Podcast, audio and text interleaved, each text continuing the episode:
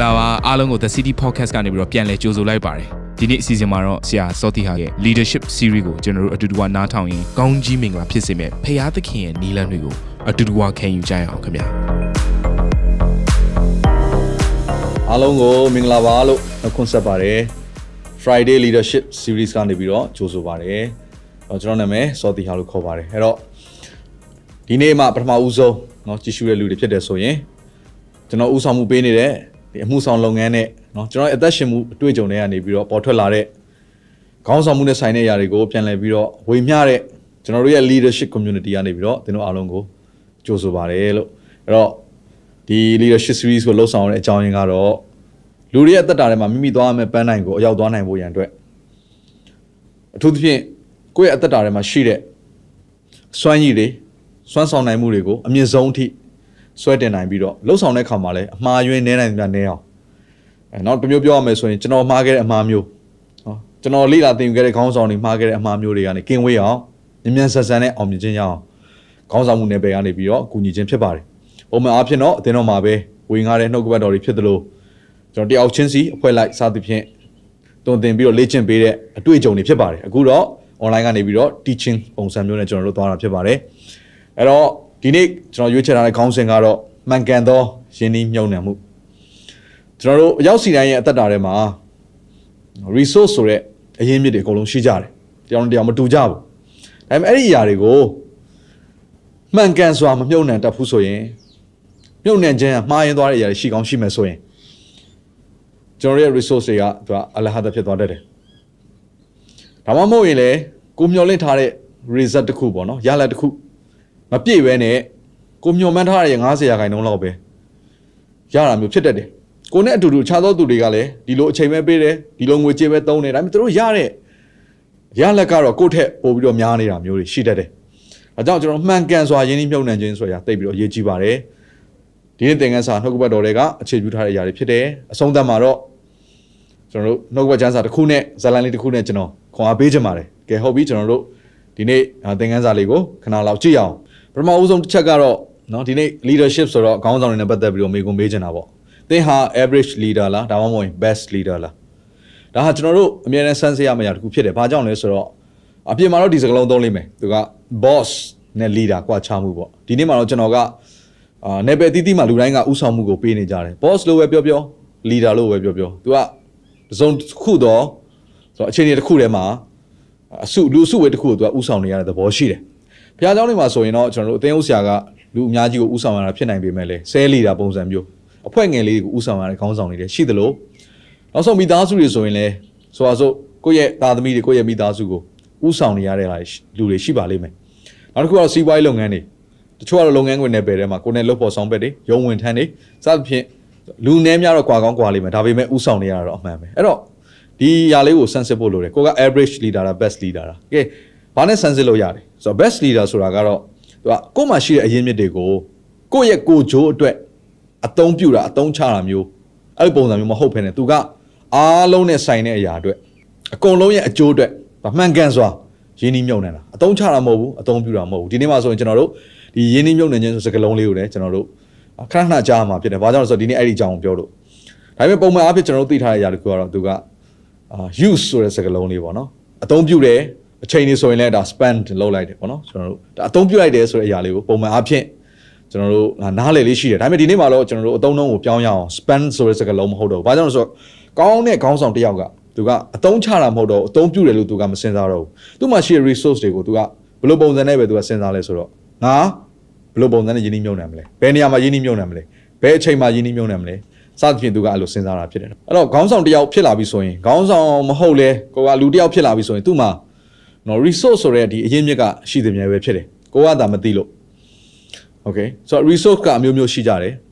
ဒါပေမဲ့ကိုကသတိမထားမိဘူးလူတိုင်းမှာဥပမာဆိုတော့အချိန်ရှိတယ်เนาะအခုကျွန်တော်ရေးပေးထားတဲ့ဒီမှာဆိုတော့ know your resource ကိုမှဘာရှိလဲသိဖို့လိုတယ်အချိန်လူတိုင်းမှာအချိန်ရှိတယ်လူလူတိုင်းမှာငွေကြေးဆိုတဲ့ပမာဏကွဲကောင်းကွဲမယ်ဒါပေမဲ့ငွေကြေးရှိတာတော့အမှန်ပဲဒါကပစ္စည်းနဲ့ပိုင်ဆိုင်မှုတချို့ရှိနိုင်တယ်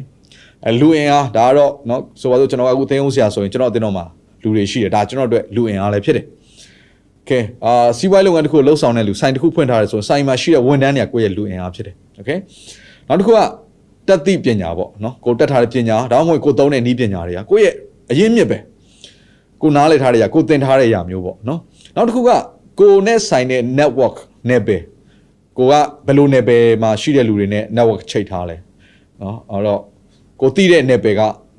ဘယ်လောက်လောက်ရှိတယ်အတိုင်းဝိုင်းပေါ့နော်ကိုရဲ့ပတ်ဝန်းကျင်အတိုင်းဝိုင်းကဘယ်ကဏ္ဍတွေမှာအာ သူတို့လှုပ်ဆောင်နိုင်တယ်ဆိုတာဒါကိုယ့်ရဲ့ resource ဖြစ်တယ်ဥပမာမြန်မာပြည်မှာကျွန်တော်နေတဲ့အတွက်ကြောင့်မလို့မြန်မာပြည်မှာရှိတဲ့ဒီလူမှုအတိုင်းဝိုင်းကြီးဟာနော်ဒါကျွန်တော်ရဲ့ resource ဖြစ်တယ်အဲ့တော့မြန်မာပြည်မှာကျွန်တော်ကဟိုမှာစီးပွားရေးတစ်ခုလုပ်မယ်ဆိုရင်ကျွန်တော်မြန်မာပြည်မှာနေတဲ့အတွက်ကြောင့်မလို့နိုင်ငံခြားမှာနေတော့သူတွေထပ်ပို့ပြီးတော့ကျွန်တော်မှာအခွင့်အရေးတွေအများကြီးပို့ရှိတယ်ဒါကြောင့်ကိုယ့်ရဲ့အတိုင်းဝိုင်းကဘာလဲဆိုတော့သိဖို့လိုတယ်နောက်ကိုကျင်လဲတဲ့နယ်ပယ်ကျွန်တော်ဆိုရင်ဒါတင်းအောင်ဆရာတယောက်အနေနဲ့လူတွေကိုကြည့်ရှုပြုစုခြင်းပြိုးထောင်ခြင်းနောက်ကဘက်တော့ဝေငှခြင်းစသဖြင့်အခုဆိုရင်ဒါမီဒီယာကနေပြီးတော့နောက်ကဘက်တော့ဝေငှခြင်းဆိုတဲ့ဒီနယ်ပယ် ကိုကျင်ကျင်လဲရနယ်ပယ်တခုဒါကျွန်တော်ရဲ့ resource ဖြစ်တယ်အခုကျွန်တော်ဒီကျွန်တော်မှာရှိနေတဲ့အာကင်မရာအာအင်တာနက်ချိတ်ဆက်မှုစသဖြင့်မီဒီယာထင်းမှာရှိတဲ့လူအင်အားအာကျွန်တော်တို့ဒီအခုမီဒီယာလွှင့်တဲ့အသုံးပြုတဲ့ software အာဒီ technology ဒါဟာကျွန်တော်ရဲ့ resource တွေဖြစ်တယ်ဒီ resource တွေကိုသုံးပြီးတော့ကျွန်တော်ဘာလုပ်နေလဲအခု online မှာကြည့်ရှုနေသောသူတွေကိုကျွန်တော်ကောင်းကြီးမင်္ဂလာဖြစ်ဖို့ရန်အလို့ငါပြန်လည်ပြီးတော့ဝေငှပေးနေတာဖြစ်တယ်ဆိုတော့ကျွန်တော်ရဲ့ resource တွေကိုကျွန်တော်ပြန်ပြီးတော့ကြည့်ရှုနေသောသူတယောက်စီတိုင်းအသက်တာထဲမှာရင်းနှီးမြှုပ်နှံနေတာဖြစ်တယ် နောက်တစ်ခုကဘာလဲဆိုတော့ကျွန်တော်တို့ရဲ့မိတ်ဆွေအပေါင်းအသင်းတငယ်ချင်းတွေဟာကျွန်တော်တို့ရဲ့ resource တွေဖြစ်တယ်ဒါကြောင့်မို့ကျွန်တော်တို့မှာအနည်းဆုံးတော့တငယ်ချင်းတွေကတော့ရှိမှာပဲကျွန်တော်ကလူတွေနဲ့စကားပြောလိုက်တဲ့ခါမှာတော်တော်များများကတခုခုညှိတွားတော့မယ်ဆိုရင်ဘယ်ကနေအစပြုလဲဆိုငါတို့မှဘာမှမရှိဘူးငါတို့ဘာမှမတက်ဘူးဆိုတဲ့အရာကနေအစပြုတယ်ကျွန်တော်အင်တာနက်မှာကြည့်တဲ့အခါမှာเนาะအထူးသဖြင့်စီးပွားရေးနယ်ပယ်မှာအာ coach လုပ်တဲ့လူတွေကဘာတွေကိုသင်ကြားပေးလဲဆိုရင်မင်းမဘာမှရှိစရာမလိုဘူးလက်ထက်မှာပတ်စံတပြားမှမရှိဘဲနဲ့စီးပွားရေးလုပ်လို့ရတယ်ဆိုတဲ့သင်ခန်းစာမျိုးတွေကျွန်တော်တွေ့ရတယ် အဲ့တော့ဒါအပြင်နယ်ပယ်စီးပွားရေးလုပ်ငန်းတွေမှာတော့မှစီးပွားရေးတစ်ခုကိုအစပြုဖို့ရန်အတွက်မင်းမဘာမှရှိစရာမလိုဘူးဆိုတဲ့ခေါင်းစဉ်တွေနဲ့သင်ပေးနေတဲ့အချိန်မှာဟိုကျွန်တော်သင်အောင်ဆရာဖြစ်တော့သင်သူသင်သားတွေနဲ့ကျွန်တော်နဲ့ဘဝတူအမှုလို့ဆောင်နေလို့ကျွန်တော်ခွန်အားပေးခြင်းတယ်ကျွန်တော်တို့ဟာသူများနဲ့တူချင်မှတူမယ်ဒါပေမဲ့သေချာတစ်ခုကတော့ကျွန်တော်တို့မှာအရင်နီးနော်အရင်အမြင့်ဆိုတဲ့အရာတွေကရှိပြီးသားဖြစ်ပါတယ်ကိုကမကြည့်တတ်လို့ဖြစ်တယ်ဒါကြောင့်ကျွန်တော်ပြန်ပြီးတော့ဒီအချက်လေးတွေအားဖြင့်စမ်းစစ်စေချင်ပါတယ်သင်မှာဘယ်လိုအရင်မြင့်တွေရှိလဲ အခုဒီအချက်လေးနဲ့ချိန်ထိုးပြီးကြည့်မယ်ဆိုရင်တော့သင်မှာရှိတဲ့အရာတွေပေါ်ထွက်လာမှာပဲအခုအဲ့ဒီရှိတဲ့အရာတွေကိုဘယ်လိုပုံစံနဲ့ရင်းနှီးမြှုပ်နှံမလဲဆိုတဲ့အရာလေးကိုကျွန်တော်သွားရမှာဖြစ်တယ်ကဲအဲ့တော့ကို့မှာရှိတဲ့အရင်မြင့်တွေကိုမှန်ကန်စွာဘယ်လိုသုံးမလဲဒီစကားလုံးလေးမိတ်ဆက်ပေးချင်ပါလေ resource allocation ဆိုတဲ့အရာဟောဒီစကားလုံးလေးကဒါကို့မှာရှိတဲ့ resource အရင်မြင့်တွေကိုဘယ်လိုနေရာတွေမှာခွဲခြားပြီးတော့မှန်ကန်စွာနေရာချမလဲဆိုအတိတ်ဘယ်ကို ဒါတက်ရောက်ပါတယ်ဒီအရင်မြင့်တွေကိုနေရာတကြခွဲခန့်ခြင်းနေရာချခြင်းဆိုတာဘာကိုပြောရလဲဆိုတော့အဲ့တော့ကို့မှာရှိတဲ့ရှိပြီးသားအရင်မြင့်တွေကိုနော်အနာဂတ်မှာ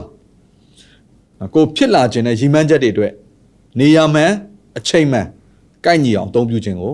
ဒါ resource allocation လို့ခေါ်ပါတယ်အဲ့ဒီမှာအရေးကြီးတဲ့အရာတစ်ခုကဘာလဲဆိုတော့အနာဂတ်မှာကိုဖြစ်ချင်တဲ့အရာကဘာလဲ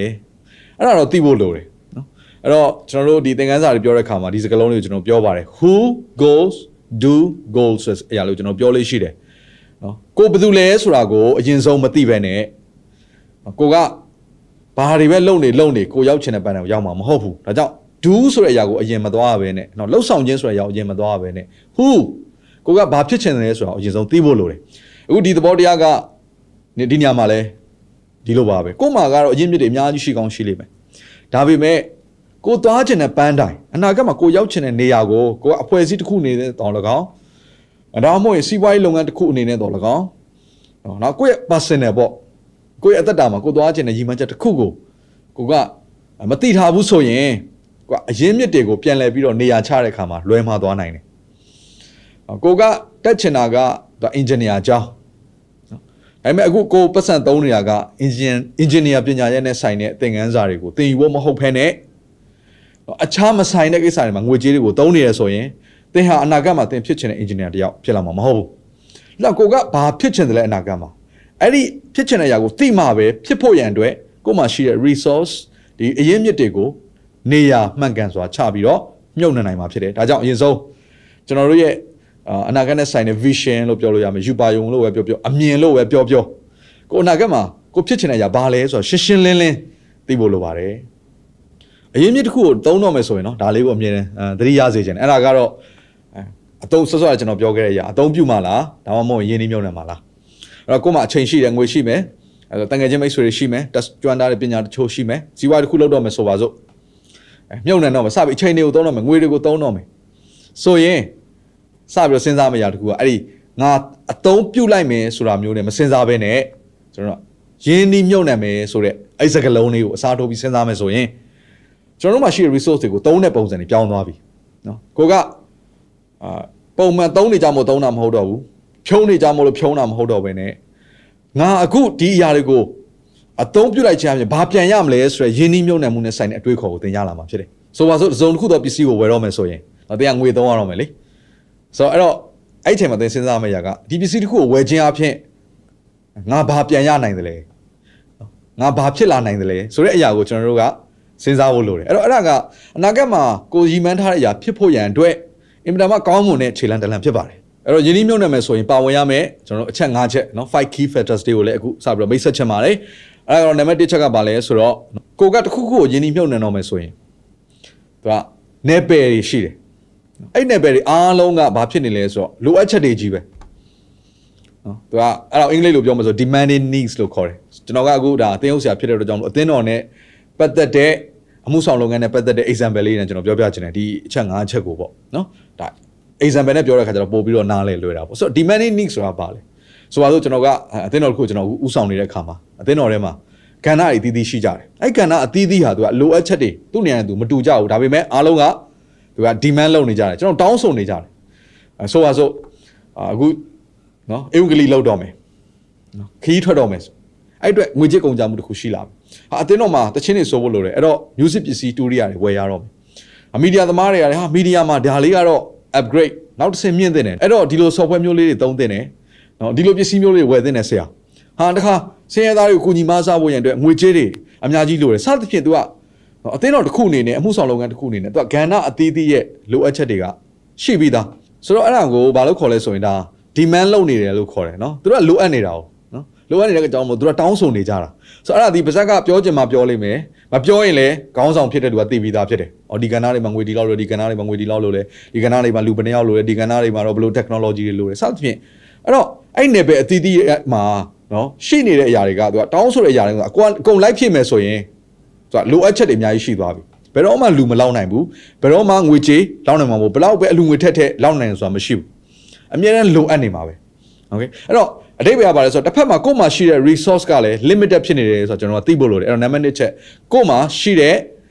ရင်းနှီးမြုပ်နှံမဲ့ resource ကလည်း limit ဖြစ်နေပြန်တယ်အတိုင်းအတာကန့်သတ်မှုနဲ့သူကရှိနေပြန်တယ်နော်အကုန်လုံးထုတ်သုံးလို့လည်းမရပြန်ဘူးလေဒါပေမဲ့ပြဿနာကအားလုံးကလည်းလိုအပ်ချက်ဖြစ်နေပြန်တယ်ဆိုတော့ဒါဟာကျွန်တော်တို့မှာရှိတဲ့ resource ကိုသုံးတဲ့အခါမှာထည့်ပြီးစဉ်းစားမယ့်အချက်တွေဖြစ်တယ်ဒါတွေကိုသင်ကောင်းကောင်းသဘောမပေါက်ဘူးဆိုရင်ခါတောင်းတိုင်းလာပြီးတော့ပေးလိုတိုင်းထပ်ပြီးသုံးမယ်ဆိုရင်တော့ဘယ်တော့မှကျွန်တော်လိုချင်တဲ့ ဖြစ်ချင်တဲ့ပန်းတိုင်ကိုရောက်မှာမဟုတ်တော့ဘူးကဲနံပါတ်3ကဘာလဲဆိုရင်အဲ့လိုမျိုးလိုအပ်ချက်တွေအများကြီးရှိနေပေမဲ့ကျွန်တော်တို့ကဦးစားပေးဘယ်ຢာတွေရှိလဲဥငါးနေရာကလိုအပ်နေတယ်ဘယ်နေရာကဦးစားပေးလဲเนาะ1 2 3 4 5စီတက်ဖို့လိုတယ်ပြီးရင်ကိုယ်မှာရှိတဲ့ဒီ limited resource လို့ပြောတဲ့အကန့်အသတ်နဲ့ရှိနေတဲ့ယင်းဒီမြုပ်နှံနိုင်တဲ့ဒီ resource တွေကိုเนาะကျွန်တော်အရင်နည်းတွေကိုဘယ်နေရာတွေမှာကျွန်တော်ထည့်မလဲဒါလေးကျွန်တော်တို့ချိန်ကြီးတက်ဖို့လိုတယ် balance လုပ်တက်ဖို့လိုတယ်ခါနံပါတ်၄ချက်ကတော့เนาะ ကိုကတခုခုကိုယင်းနှမြုပ်နေမယ်ဆိုရင်နော်ဒီ mindset လေးရှိဖို့လေအတွေးခေါ်လေးကပါနော်ကျွန်တော်တို့မှရှိရမယ့်အတွေးခေါ်ပေါ့ဒီအရာကိုငါယင်းနှမြုပ်လိုက်ခြင်းအဖြစ်ငါပြန်ရနိုင်မယ်အမြင့်ဆုံးရလိုက်ကဘာဖြစ်မလဲဒါကိုလည်းစဉ်းစားဖို့လိုတယ်နော်ပုံမှန်အဖြစ်တော့ကျွန်တော်တို့ဒါအာစီးပွားရေးနယ်ပယ်ရလူတွေဆိုဒီຢာလေးကတိတ်ပြီးတော့ကောင်းတဲ့နော်အချက်ဖြစ်တယ်ဒါပေမဲ့အမှုတော်ဆောင်လုပ်ငန်းကြတော့ကျွန်တော်တို့ကအမှန်တိုင်းပြောရရင်အမှုတော်ဆောင်လုပ်ငန်းဆိုတာကအသင်းတော်တွေဆိုတာကသူက အကျိုးရလဒ်တစ်ခုကိုပုံမှန်အားဖြင့်မျှော်လင့်ပြီးတော့ကျွန်တော်စီးပွားရေးဆန်ဆန်စဉ်းစားတာမဟုတ်ဘဲနဲ့ဘာမှနော်ကိုယ့်စီကို return ပြန်မလာဘူးဆိုတဲ့နှလုံးသားနဲ့ကျွန်တော်တို့ကဒီခါတယ် pay up ရတဲ့အရာတွေဖြစ်တယ်နောက်တစ်ခုကလှူဒန်းရတဲ့အရာတွေဖြစ်တယ်ဆိုတော့အဲနှုတ်ကပတ်ကျမ်းစာရဆိုရင်လည်းကျွန်တော်တို့ရဲ့ရလက်ကထာဝရနဲ့ဆိုင်တယ်ပေါ့နော်ဒီလောကမှာရချင်မှရလိမ့်မယ်နော်သူကထာဝရနဲ့ဆိုင်တဲ့ထာဝရကာလမှာဘုရားသခင်ပြန်ပေးမဲ့ຢာတွေဖြစ်တယ်ဆိုတော့အဲ့ဒီယုံကြည်ချက်နဲ့ကျွန်တော်တို့ကအဲလှူဒန်းမှုကိုပြုကြတယ်အဲ ပြောမှဆိုနိုင်ငံတော်ထဲမှာယင်းနှိမ့်မြုပ်နှံကြတယ်ပေါ့နိုင်ငံတော်ကနေပြန်ထွက်လာမဲ့အကျိုးရလက်ကပါလဲဆိုရင်ဒီနေ့မှာဘုရားသခင်ရှေ့မှာတာရုသစ္စာရှိသောငယ်သားကောင်းဆိုတဲ့နော်ချီးမွမ်းခံရခြင်းနောက်တစ်ခုကတော့ဒါဒါဆုလက်တရဖူပေးခြင်းဆိုတဲ့အရာတွေဒါနှုတ်ကပကျမ်းစာတွေမှာပါတဲ့အရာတွေရှိပါတယ်နော်ဆိုတော့အဲ့ဒါအတွက်ကျွန်တော်တို့ကဟာပေးရတာဖြစ်တယ်ဒါကြောင့်အခုဒီခါဒီမှာတော့အမှုတော်ဆောင်လုပ်ငန်းလုပ်တဲ့အခါမှာစီးပွားရေးစဉ်းစားစဉ်းစားလို့မရဘူးသို့တော်လည်းပဲအဲ့လိုမစင်စားဘူးဆိုပြီးတော့လေရှိသမျှနော်ဘုရားသခင်နဲ့ဆိုင်တဲ့ငွေကြေးတွေပြောအောင်ဆိုအမှုတော်ဆောင်လုပ်ငန်းနဲ့ဆိုင်တဲ့ငွေကြေးတွေကို သုံးကျင်သလိုသုံးအဲ့လိုလုပ်လို့မရပါဘူးအဲ့တော့မှန်ကန်တဲ့နေရာမှာမှန်ကန်စွာသုံးတတ်မယ်ဆိုရင်ကျွန်တော်တို့ကဒီလောကမှာနေတဲ့အချိန်မှာပင်ရလာမယ့်အကျိုးရလဒ်တွေအများကြီးဖြစ်တယ်ဆိုတော့ထာဝရကာလမှာကြာမှနော်ဒီဘဝပြီးတဲ့နောက်ပိုင်းမှာမှကျွန်တော်တို့ကပြန်ပြီးတော့ရမယ့်ຢာတွေတွေမကဘဲနဲ့ဒီလောကမှာရှိတဲ့အချိန်မှာပင်လင်သူများနဲ့မတူထူးခြားသောအမှုဆောင်လုပ်ငန်းအတိုးပွားခြင်းကြွယ်ဝခြင်းတွေနဲ့ပြည့်စုံတဲ့နော်စင်ရသားတွေကိုအရင်ကထက်ပိုပြီးကုညီမဆနိုင်တဲ့စသဖြင့်ပေါ့နော်ဒီຢာတွေကို ကောင်းကြီးမင်္ဂလာတွေခံစားလာမှာဖြစ်တယ်ဒါကြောင့်မလို့ကျွန်တော်ဒီအချက်လေးတွေကျွန်တော်တို့ထက်တွက်ဖို့လိုပါတယ်ဆိုတော့နံပါတ်5ချက်ကတော့အကျိုးမြတ်အကောင်းဆုံးပေါ်ထွက်မှုကိုမြင်တတ်ခြင်းဆိုတဲ့အရာအဲ့တော့ကဏ္ဍအသီးသီးရှိအဲ့ကဏ္ဍအသီးသီးထဲမှာမှာဘယ်ကဏ္ဍကနော်အရေးကြီးဆုံးဖြစ်နေလဲအခုချိန်မှာဦးစားပေးဖြစ်နေတယ်နောက်တစ်ခုအဲ့ဦးစားပေးဖြစ်နေတော့လဲပဲနော်ဦးစားပေးတစ်နှစ်ရှိလိမ့်မယ်နော်တစ်ထက်နှစ်ကပြန်ပြီးတော့ထွက်လာမယ့်အရာတစ်ခုဒီကျန်တဲ့တစ်တွေ3တွေ4တွေ5တွေတွေ့လဲအကျိုးရှိလာမယ်ဆိုရင်ကျွန်တော်တို့ပထမဦးဆုံးနံပါတ်1ကိုရွေးပြီးတော့သူက resource ကိုယ့်ရဲ့ယင်းနှိမ့်မြုပ်နှံတဲ့အရာတွေကိုလှုပ်ဆောင်မှာဖြစ်တယ်နော်ဒါကြောင့်ကျွန်တော်တို့ဒီအချက်လေးကိုလည်းထည့်ပြီးတော့စဉ်းစားဖို့လိုတယ်နော်အကောင်းဆုံးဘယ်လိုပုံစံနဲ့ပြန်လာမလဲကိုကပေးလိုက်တယ်ပြန်လာမယ့်အရာတစ်ခုကဘာများဖြစ်မလဲဆိုတော့ခေါင်းဆောင်တစ်ယောက်အနေနဲ့ဒီຢာကိုလည်းမြင်တတ်ဖို့အရေးကြီးပါတယ်သင်မေးရမယ့်မေးခွန်းကဘာလဲဆိုတော့နော်ဒီမှာရေးထားတဲ့အတိုင်းပဲသင်ရဲ့အောင်မြင်မှုပန်းနိုင်ဟာဘာလဲအဲ့တော့ဒါလေးကိုအင်္ဂလိပ်စကားလုံးနဲ့ကျွန်တော်ပြောချင်တယ် W I N win နော်ဒါကတော့အောင်မြင်ခြင်းဆိုတဲ့အရာပေါ့အဲ့တော့ကိုကဘဲရာကိုမျှော်လင့်ထားတာလေ ကိုရဲ့ပန်းနိုင်ကဘာလဲအဲ့ဒါကိုကျွန်တော်တို့ရှင်းရှင်းလင်းလင်းသိဖို့လိုတယ်ဒါကိုလည်းကျွန်တော်အစပိုင်းမှာပြောခဲ့ပါပြီနော်ဘာလဲဆိုတော့ who before do အရင်ဆုံးကိုဘာတွေလုပ်ရမလဲဆိုတဲ့အရာကိုစဉ်းစားမှာမဟုတ်ဘဲနဲ့ကိုဘာဖြစ်ချင်တယ်လဲဆိုတာကိုစဉ်းစားမှပဲကိုလုပ်တဲ့အရာတွေကအတိတ်ပဲရှိလာမယ်နောက်တစ်ခုကအကောင်းဆုံး return เนาะရလက်တစ်ခုကိုကျွန်တော်ပြန်ပြီးတော့ရမှာဖြစ်တယ်ကဲနောက်တစ်ခုအဲ့ဒါဘာလဲဆိုတော့ဆော့ဆော့ပြောတဲ့ win အဲ့ဒီပန်းနိုင်ဟာ clear ဖြစ်နေဖို့လိုတယ်အဲ့ clarity ကတိတ်အရေးကြီးတယ်เนาะ အဲ့တော့ရှင်းရှင်းလင်းလင်းဖြစ်နေမှာပဲကိုနဲ့အတူအလုပ်လုပ်တော့သူတွေကလည်းငါတို့ဘယ်ပန်းနိုင်ကိုချီတက်နေတယ်ဆိုတာသိမှာဖြစ်တယ်အခုကျွန်တော်က leadership ကိုပြောတဲ့အခါမှာသူ့မှာအဖွဲ့အစည်းရှိမယ်နောက်လိုက်ရှိမယ်ဒါမှမဟုတ်လည်းအတူလှုပ်ဆောင်တဲ့နော်အာလှုပ်ဖော်ဆောင်ပွဲတွေရှိလိမ့်မယ်ဆိုတော့တင်းဦးဆရာတယောက်ဆိုရင်လည်းအသင်းသူအသင်းသားတွေရှိလိမ့်မယ်ဒီအသင်းတော်ကဒီအမှုဆောင်လုပ်ငန်းကဘယ်ကိုသွားနေလဲဆိုတာကိုရှင်းရှင်းလင်းလင်းသိဖို့အရန်ရေးကြီးတယ်အဲ့တော့ကျွန်တော်တို့အမှုဆောင်လုပ်ငန်းရဲ့အဓိကကျွန်တော်တို့လှုပ်ဆောင်လိုက်တဲ့အရာတစ်ခု အစပိုင်းနေမှာပေါ့နော်အသင်းတော်ရဲ့အစပိုင်းနေမှာလှုပ်ဆောင်လိုက်တဲ့အရာတူအဲ့ဒါပါလဲဆိုတော့စောစောပြောတဲ့ win နော်ကိုယ့်ရဲ့ဒီလိုချင်တဲ့အောင်မြင်မှုပန်းတိုင်းကိုရှင်းရှင်းလင်းလင်းဖြစ်အောင်ကျွန်တော်လုပ်လိုက်တာဖြစ်တယ်လွန်ခဲ့တဲ့9နှစ်ကျော်ကလေးကနော် the city အသင်းတော်အစပြုတဲ့အချိန်ကလေးကရှင်းရှင်းလင်းလင်းဖြစ်အောင်လုပ်ထားတဲ့အောင်မြင်ခြင်းပန်းတိုင်းဆိုတဲ့အရာကဘာလဲဆိုရင်နံပါတ်1ချက်ကျွန်တော်တို့ဟာလူငယ်တွေကို outreach လုပ်မယ်လူငယ်တွေစီကိုသွားမယ် နော်သူတို့အသက်တိုင်ပြောင်းလဲဖို့တော့ကျွန်တော်တို့လုပ်မယ်ဆိုတော့တိသွားကျွန်တော်တို့ရဲ့ဥတီချက်ဒီလူကြီးတွေလည်းမဟုတ်ဘူးကျွန်တော်တို့ဥတီချက်ဒီချက်ဒီလုပ်ငန်းခွင်ထဲမှာရှိတဲ့လူတွေလည်းမဟုတ်ဘူးကျွန်တော်တို့ဥတီချက်ဒီလူငယ်တွေကိုပဲအာရုံစိုက်မယ်နော်ပြီးတော့အဲ့သူတို့ရဲ့အသက်တိုင်ကိုပြောင်းလဲအောင်လုပ်တာပေါ့ဆိုတော့ခေါင်းထဲမှာလူငယ်ဆိုတဲ့စကားလုံးတစ်ခုပဲရှိတယ်အဲကျွန်တော်အဲ့လိုလုပ်ရတဲ့ရည်ရွယ်ချက်ကနော်ရည်ရွယ်ချက်ကကျွန်တော်တို့မှာရှိတဲ့ resource အကြောင်းလည်းဖြစ်ပါတယ်ဘာကြောင့်လဲဆိုတော့ကျွန်တော်တို့မှာလူကြီးတွေမရှိဘူးပညာတတ်တွေမရှိဘူးခါတော့လုပ်ငန်းခွင်ထဲမှာအလုပ်လုပ်နေတဲ့ကြွယ်ဝချမ်းသာနေတဲ့လူဝင်ငွေရှိနေတဲ့လူတယောက်မှမရှိဘဲနဲ့ចောင်းသားတွေလူငယ်တွေဖြစ်နေတယ်။ ဒါကြောင့်မို့ကျွန်တော်လူငယ်တွေကပဲလူငယ်တွေကို outreach လုပ်ဖို့အဆင်ပြေတဲ့အတွက်ကြောင့်မလို့ကျွန်တော်တို့ပထမဦးဆုံးသောเนาะဒီ win ပေါ့เนาะကျွန်တော်တို့ပန်းတိုင်ရှင်းရှင်းလင်းဖြစ်စေတဲ့အရာတခုကဘာလဲဆိုတော့ငါတို့လူငယ်တွေကိုဧဝံဂေလိတရားဟောမယ်သူတို့ကို outreach လုပ်မယ်သူတို့ရဲ့အသက်တာပြောင်းလဲဖို့ငါတို့ရဲ့အသက်တာတွေကိုစက္ကန့်မယ်အဲ့ဒါပထမတစ်ခုဖြစ်တယ်။ခါနောက်တစ်ခုဒီလူငယ်တွေစုပြီးလာတဲ့အခါစုလာတဲ့အခါမှာเนาะကျွန်တော်တို့နောက်ထပ်အာတစ်ခုကိုရှင်းလင်းလုပ်လိုက်တဲ့ຢာတခုအဲ့ဒါဘာလဲဆိုတော့အခုရှိနေတဲ့အရေးအတွက်ကနေပြီးတော့နောက်ထပ်လူငယ်တွေအများကြီးဖြစ်လာအောင် တိုးပေါင်းအောင်လုပ်မယ်အဲ့တော့ကျွန်တော်တို့ဒီနေရာတွေကိုအဲ့လောက်ကြီးဂယူမဆိုင်ဘူးကျွန်တော်တို့အာ needs တွေကိုကျွန်တော်တို့အဲ့လောက်ကြီးဂယူမဆိုင်ဘူးကျွန်တော်တို့နော်အာဝင်ငွေတွေကိုအဲ့လောက်ကြီးဂယူမဆိုင်ဘူးကျွန်တော်တို့ရဲ့ဥတီနေတဲ့အရာတစ်ခုပဲရှိအဲ့ဒါဘာလဲဆိုတော့အခုအခုရှိနေတဲ့လူငယ်အရေးအတွက်နော်10 20ကနေပြီးတော့နောက်ထပ်တစ်ဆတိုးပေါင်းဘယ်လိုလုပ်မလဲအခါနောက်ထပ်တစ်ဆတိုးပေါင်းလာတဲ့အခါမှာ40 50ဖြစ်လာတဲ့အခါမှာနောက်ထပ်100ဖြစ်လာအောင်ဘယ်လိုလုပ်မလဲအာနောက်ထပ်100ဖြစ်လာတဲ့အခါမှာ200ဖြစ်လာအောင်ငါတို့ဘယ်လိုလုပ်မလဲဆိုတော့ခေါင်းထဲမှာတစ်ခုပဲရှိတယ် grow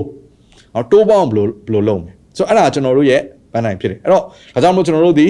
နေရာတွေခဏခဏရွှေ့ပြောင်းခဲ့ရတယ်ဆိုပါစို့ကျွန်တော်တို့တစ်နှစ်စာချုပ်ချုပ်ထားတယ်ဒါပေမဲ့6လလောက်နဲ့ပြောင်းမယ်ဆိုပြောင်းလို့ရနေပြီအဲ့တော့ကျွန်တော်တို့ဘာလုပ်လဲဆိုရင်ဒီနေရာမှာပဲငါတို့အဆင်ပြေတယ်ဆိုပြီးတော့မနေတော့ဘဲနဲ့တိုးပွားလာဖို့ရန်အတွက်နေရာကြက်ကြဲတွေကိုလိုက်ပြီးတော့မရရအောင်လိုက်ရှာတယ်တော့ကျွန်တော်အချိန်တွေကိုလည်းမကြည့်တော့ဘူးငါတို့စာချုပ်တစ်နှစ်ချုပ်ထားတယ်ဒါကြောင့်တစ်နှစ်လုံးငါတို့နော်အာဒီတိုင်းပဲငြိမ်ပြီးတော့နေလိုက်မယ်ပြီးတော့မှငါတို့အေးဆေးပြောင်းမယ်ငါတို့နှစ်နှစ်စာချုပ်ချုပ်ထားတယ်အဲ့လိုမျိုးကျွန်တော်တို့မစင်စားဘဲနဲ့ growth ဆိုတဲ့ဒီအရာတစ်ခုတည်းကိုပဲခေါင်းထဲမှာထည့်ထားတဲ့အတွက်ကြောင့်မလို့ တိုးပွားလာအောင်နော်အခုလူတွေကများလာပြီလေအဲ့တော့သူတို့ထိုင်ဖို့နေရရှိအောင်ငါတို့ဘယ်လိုလုပ်မလဲဆိုတော့အဲ့ဒီရှင်းရှင်းလင်းတစ်ခုတည်းနဲ့ကျွန်တော်တို့သွားခဲ့ကြတယ်ဒါဟာကျွန်တော်ကြော်ဖြတ်ခဲ့တဲ့ခီးစဉ်နဲ့အစိပ်ပိုင်းတစ်ခုကျွန်တော်ဒီနေ့ example အနေနဲ့နားလည်အောင်ပြောပြတာဖြစ်တယ်အဲ့တော့သင်ကသင်သွားမဲ့ပန်းတိုင်းရှင်းလင်းပြီဆိုရင်ကျန်တဲ့အချိန်တွေခွန်အားတွေငွေကြေးတွေကိုသုံးတဲ့အရာကလည်းအဲ့ဒီအတွက်ပဲဆိုတော့ရင်းနှီးမြုပ်နှံတာဖြစ်တဲ့အတွက်ကြောင့်မလို့ပြန်ရလာတဲ့ရလက်ကလည်းအရင်ရှင်းလင်းတယ်မြန်ဆန်တယ်နောက်တစ်ခုကဘာမှရှုပ်ထွေးခြင်းမရှိတော့ဘူးဒါကြောင့်ဒီချက်လေးဟာခေါင်းဆောင်မှုတွေအင်တာမှာအရေးကြီးတယ်ဒါကြောင့်ကျွန်တော်ဒီနေ့မေးခွန်းမေးခြင်းပါလေ သင်ရဲ့ personal နော်သင်ရဲ့တကိုယ်ရတကာရအနာဂတ်ပန်းတိုင်းကပါလေနောက်တစ်ခုကသင်ရဲ့အဖွဲ့အစည်းနဲ့ဆိုင်ပြီးတော့သင်အဖွဲ့အစည်းတစ်ခုလုံးကနားလည်ထားတဲ့အောင်မြင်ခြင်းပန်းတိုင်းကပါလေမရှင်းလင်းသေးဘူးဆိုရင်ဒီနေ့ပဲရှင်းရှင်းလင်းလင်းဖြစ်အောင်လုပ်ပါဘာကြောင့်လဲသိလားဘာကြောင့်လဲဆိုတော့ရှင်းရှင်းလင်းဖြစ်ခြင်းဟာအရေးကြီးဆုံးတော့ချက်တစ်ခုဖြစ်နေတယ်အဲ့တော့ကိုယ့်ကိုယ်ဆန်းစစ်နိုင်မှုရန်အတွက်ဒီမေးခွန်းလေးပေါ့နော်မေးကြည့်ပါသင်မျှော်မှန်းထားတဲ့အဖြစ်ချင်းဆုံးအောင်မြင်မှု၃ခုကဘာလဲအဲ့တော့၃ခုလို့ပြောတဲ့အခါမှာ နည်းနည်းလေးကိုကဖြစ်ချင်တာတွေများနေမှာဆို၃ခုထည့်ပေးတာအမှန်တော့အရေးကြီးဆုံးကတစ်ခုပဲရှိတယ်အဲ့တစ်ခုအတွက်ပဲကိုကသွားနေတာအဲ့ဒါဆိုရင်အရန်မြန်တယ်နောက်တစ်ခုကအာယုံထွေပြမှုမရှိတော့ဘူးရှိသမျှ resource အားလုံးအဲ့ထဲမှာသူကရောက်သွားတဲ့အတွက်ကြောင့်မလို့အောင်မြင်ဖို့ရဂိုင်နှုန်းပိုများတယ်နော်အာယုံထွေပြစရာလည်းမရှိတော့ဘူးအဲ့တော့ဒါ organization နဲ့ပတ်သက်ပြီးတော့ကျွန်တော်အာနော်မေးစေခြင်းတယ်ကိုက organization လို့ပြောတဲ့အခါမှာကိုယ့်ရဲ့ဥဆောင်နေတဲ့စီးပွားရေးပဲဖြစ်ဖြစ်လုပ်ငန်းပဲဖြစ်ဖြစ်အသင်းတော်ပဲဖြစ်ဖြစ်ကဲဒါဆိုရင်တင်းရဲ့အသင်းတော်တင်းရဲ့စီးပွားရေးလုပ်ငန်းအဲ့ဒါနဲ့ပတ်သက်တဲ့ နော်ရီမန်းချက်အကြီးမားဆုံးသုံးခုကပါလေအဲ့တော့အဲ့သုံးခုနဲ့မဆိုင်တဲ့ကိစ္စတွေထဲမှာကိုကသွားပြီးတော့ယင်းနှိမ့်မြုံနှံမိနေသလားပေါ့တကယ်တော့ကိုအဲ့သုံးခုထဲမှာယင်းနှိမ့်မြုံနှံမှာဖြစ်တယ်ဒါကြောင့်မလို့ကျွန်တော်တို့ဒီ sunset ချက်လေးကကျွန်တော်တို့တက်သိပြီးတော့ရေးကြည့်ပါတယ်နောက်ထပ်နံပါတ်2ကတော့အဲ့ဒီ၃ခုရှိတဲ့အထက်ကနေပြီးတော့ဘယ်တစ်ခုထဲကိုနော်ရင်းနှီးမြုပ်နှံလိုက်မယ်ဆိုရင်အဲ့၃ခုထဲမှာအကောင်းဆုံးရလက်ပေါ်ထွက်လာမယ်နော်အဲ့၃ချက်ထဲကတစ်ချက်ကဘာများဖြစ်မလဲသိဖို့လိုတယ် ၃ခုထဲမှာအကုန်လုံးကဖြန့်ဝေပြီးတော့လုပ်ဖို့လိုချင်မှလိုလိမ့်မယ်တစ်ခုကိုသွားပြီးတော့ထည့်လိုက်လို့အဲ့တစ်ခုက breakthrough ဖြစ်သွားတယ်ဆိုရင်အောင်မြင်သွားတယ်ဆိုကျန်တဲ့ဟာတွေအားလုံးကလည်းအကုန်အဆင်ပြေသွားတယ်ဆိုတော့ဒါအမေရိကမှာရှိရပေါ့နော်ဒီ Fortune 500 company ဆိုတဲ့ຢာရှိပါတယ်သူကတော့အောင်မြင်ဆုံးအာစီးပွားရေးလုပ်ငန်းတွေပေါ့သူတို့ရဲ့ဒီဥဆောင်နေတဲ့ဒီစီးပွားရေးလုပ်ငန်းတွေကအဲ CEO တွေရဲ့ပြောကြားချက်တွေကိုပြန်ပြီးတော့ပြုစုတဲ့အခါမှာဘာတွေ့ရလဲဆိုတော့သူတို့စီးပွားရေးလုပ်ငန်းတွေအားလုံးတော်တော်များများက သူတို့ရဲ့အထက်မှာရှိတဲ့အရင်းမြစ်ထဲကနေပြီး80ရာခိုင်နှုန်းလောက်ကိုသူဦးစားပေးပြီးတော့တစ်စုံတစ်ခုသောနေရာမှာရွှေ့ပြောင်းပြီးတော့မြုပ်နှံလိုက်တဲ့အခါမှာအဲသူအောင်မြင်ခြင်းကိုရသွားတယ်ဆိုတဲ့အရာပြီးတော့ကျန်တဲ့သူနဲ့ဆက်ဆက်ပြီးတော့ကျန်တဲ့အရာတွေပေါ်မှာလည်းတဖြည်းဖြည်းနဲ့အောင်မြင်သွားတယ်ဆိုတဲ့အရာဒီမှတ်တမ်းတွေကိုသွားပြီးတော့တွေ့ရတယ်ဆိုတော့အတိတ်ဘယ်ကပါလဲဆိုတော့ကို့မှာရှိတဲ့အရင်းမြစ်ရဲ့စုစုပေါင်း80ရာခိုင်နှုန်းလောက်ကိုနော်အာယုံစူးစိုက်ပြီးတော့မြုပ်နှံရမယ့်အရာကအဲ့၃ခုတွေက တစ်ခုတနေရာမှာရှိနေပါတယ်အဲ့ဒါဒီသင်ရဲ့အာနော်လူတွေစီမှာယင်းနှိမ့်မြုပ်နှံတာဖြစ်နိုင်တယ်။တေချာဘောက်ကတော့လူတွေစီမှာအမြဲတမ်းယင်းနှိမ့်မြုပ်နှံရမယ်။ဒါပေမဲ့ဦးစားပေးပြီးတော့မြုပ်နှံရမယ့်အရာလူတွေဖြစ်တော့ဖြစ်နိုင်တယ်။ဒါမှမဟုတ်ရင်ဆိုတော့ project လို့ပြောရင် project 1 2 3မှာ sign ဆိုင်ဖွင့်တဲ့အရာတစ်ခုဖြစ်နိုင်တယ်ဒါမှမဟုတ်ရင် online ကနေဈေးရောင်းတဲ့အရာတစ်ခုဖြစ်ဒါမှမဟုတ်ရင်ပစ္စည်းကိုဝယ်ပြီးစုထားတာဖြစ်နိုင်တယ်ဒီ၃ခုတွေကဒီ project ၃ခုတွေကဘယ်တစ်ခုထဲမှာငါမှရှိတဲ့အရင်းမြစ်80ရာခိုင်နှုန်းကိုငါထည့်ရမလဲဆိုတဲ့အရာဟာ အဲသူ့ကိုအောင်မြင်မှုကို break through ကိုဖြစ်စေတဲ့အရာဒီလမ်းကြောင်းတစ်ခုသူကဖြစ်နိုင်တယ်ဒါကြောင့်မလို့ကျွန်တော်တို့ဒီသုံးခုတည်းကဘယ်တစ်ခုတည်းကိုနော်ငါရွေးမလဲဆိုတဲ့အရာကလည်းဒါနောက်ထပ်ဆန်စစ်ရမယ်ဆန်စစ်ချက်တစ်ခုဖြစ်ပါတယ်ကဲနောက်တစ်ချက်ကတော့ကျွန်တော်တို့ဒီလိုမျိုးမြုပ်နှံလိုက်တဲ့အခါမှာနော်သတိထားမယ့်အချက်၄ချက်ရှိပါတယ်ပထမတစ်ချက်ကတော့အပြောင်းလဲမရှိတော့တဲ့အလုပ်ထဲမှာထက်ခါထက်ခါရင်းနှီးမြုပ်နှံမှုတွေဆက်မလုပ်ပါနဲ့ကိုကဒီလုပ်ငန်းကိုလုပ်နေတယ် ဒါပေမဲ့အဲ့ရနေထွက်ပေါ်လာတဲ့အကျိုးမြတ်ဟာရှိတော့ရှိတယ်ဒါပေမဲ့ကိုယ့်ရဲ့အချိန်ကိုအများကြီးကုန်စေတယ်ကိုယ်အရန်ပင်ပန်းစေတယ်ဆိုတော့ထမင်းစားရရုံတမယ်ပဲနည်းနည်းလေးပိုရှန်ပိုရှန်ရုံတမယ်ပဲဒါထက်ပိုပြီးတော့ကြီးပွားစရာမမြင်တော့ဘူးဒါထက်ပိုပြီးတော့တိုးတက်စရာမမြင်တော့ပြောမှဆို break through ပေါ့ဒီတိုင်းမတရက်တရက်ဒါပဲဒါပဲဒါပဲလုပ်နေရတယ်အဲ့တရက်တရက်ဒါပဲဒါပဲလုပ်နေရတဲ့အတော်အတွင်းမှာကိုကမတိုးတက်လာဘူးကိုယ့်ရဲ့အနာဂတ်အောင်မြင်ခြင်းစီကိုပို့ပေးမရဘူးမဟုတ်တော့ဘူးဆိုရင်ကျွန်တော်ဘာကြောင့်ဒီဆက်ဝိုင်းထဲမှာဆက်ပြီးတော့ကိုယ့်ရဲ့ရှိတဲ့အချိန်နဲ့ခွန်အားတွေကိုဆက်ပြီးမြှုပ်နှံနေရမှာလဲ ဘာလုပ်ရမလဲဆိုတော့ပြောင်းရွှေ့ရတော့မယ်ကိုယ့်ရဲ့ resource တွေကိုကိုယ့်ရဲ့အရင်းမြစ်တွေကိုရွှေ့ပြောင်းရတော့မယ်နော်ဒါကြောင့်မလို့လဲ move away your resources ဒါတွေအားလုံးကျွန်တော်တို့ဘယ်နေရာရွှေ့ပြောင်းမလဲဆိုတာစစဉ်းစားမယ်အချိန်ရောက်ပြီကဲနံပါတ်1ချက်ကတော့ဘာသတိထားမလဲဆိုတော့အကောင်းဆုံးကိုမျှော်လင့်ထားရင် short short ပေါ့ပေါ့မမြုပ်နဲ့နဲ့ဆိုတော့တခါတည်းမှာလူတွေကဘာဖြစ်တယ်လဲဆိုတော့ကိုမျှော်လင့်ထားတဲ့ရလကြီးကအကြီးကြီးပဲအလားလာတဲ့အများကြီးရှိတယ်ဖြစ်ချင်တော့ကိုကသွားပြီးရင်းနှီးမြုပ်နှံမိတာကကိုမှရှိတဲ့နော်အကောင်းဆုံးတွေရဲ့20ရာခိုင်နှုန်းလောက်ပဲဖြစ်တဲ့အခါမှာရလက ကကောင်းကောင်းမထွက်လာတော့ဘူးဆိုတော့အခွင့်အရေးတွေကိုလက်လွတ်လိုက်ရတဲ့သဘောရှိတယ်ဒါကြောင့်အခွင့်အရေးရှိလာပြီးအကောင်းဆုံးရလက်ထွက်ပေါ်မယ့်ရာတစ်ခုလည်းဖြစ်တယ်ဆိုရင်ရှော့ရှော့ပေါ့ပေါ့သွားပြီးတော့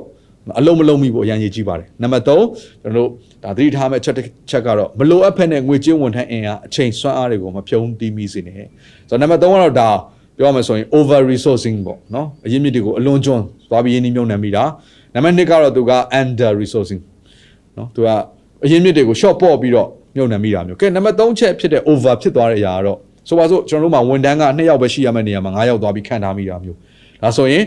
ကျွန်တော်တို့ဒါလောအားခတွေအများကြီးကုန်မယ်လောရမယ့်ရာကလူတစ်ယောက်နှစ်ယောက်ထဲနဲ့ပြီးရမယ့်ကိစ္စလူ9ယောက်လောက်ကဝိုင်းလုံးနေတယ်ဆိုတော့ဒါမဖြစ်သင့်ဘူးဆိုတော့ management ဘိုင်းမှာလွဲချော်နေတဲ့အရာမျိုးတွေရှိတယ်နောက်အဓိကတော့ကိုယ့်ရဲ့အရင်းမြစ်တွေကုန်ခန်းတာပေါ့မလိုအပ်ဖက်နဲ့အချိန်တွေကုန်ခန်းတာပေါ့အဲကြောင့်မို့ကျွန်တော် over မဖြစ်ဖို့အရင်ကြီးကြည့်တယ်နော်လိုအပ်တဲ့ပစ္စည်းတစ်ခုကိုဆိုတော့ကျွန်တော်တို့အခုအသင်းတော်တို့ဘာလို့ဆိုရင်ဒါ music ပစ္စည်းတွေဝယ်ရတယ် ဆိုပါစို့9သိန်းသုံးပြီးတော့နော်ဝယ်လိုက်တဲ့ပစ္စည်းတစ်ခုကထွက်လာတဲ့အတန်အည်သွေးနဲ့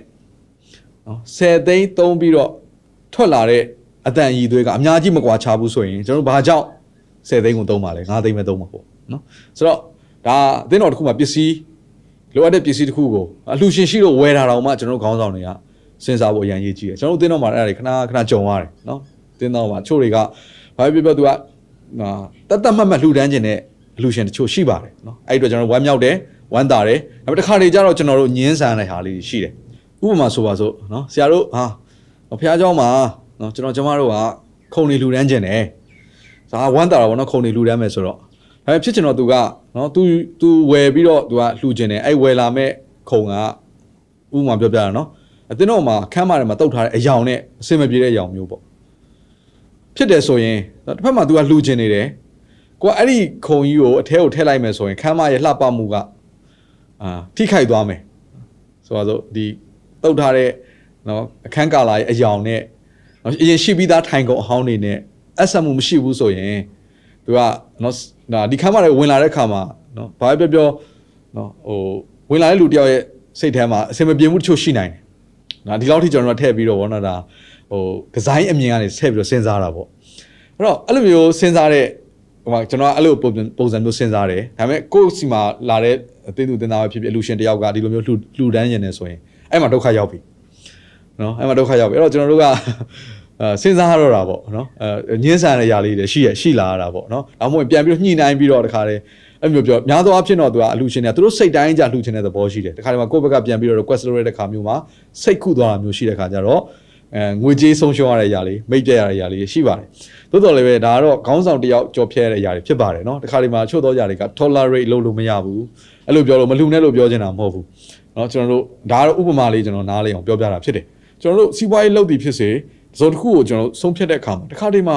နော် tolerate လုပ်လို့မရတဲ့ကိစ္စလေးရှိတယ်ဒါဒါတွေကိုကျွန်တော်ဆုံးဖြတ်မှာပဲကျွန်တော်တို့ရဲ့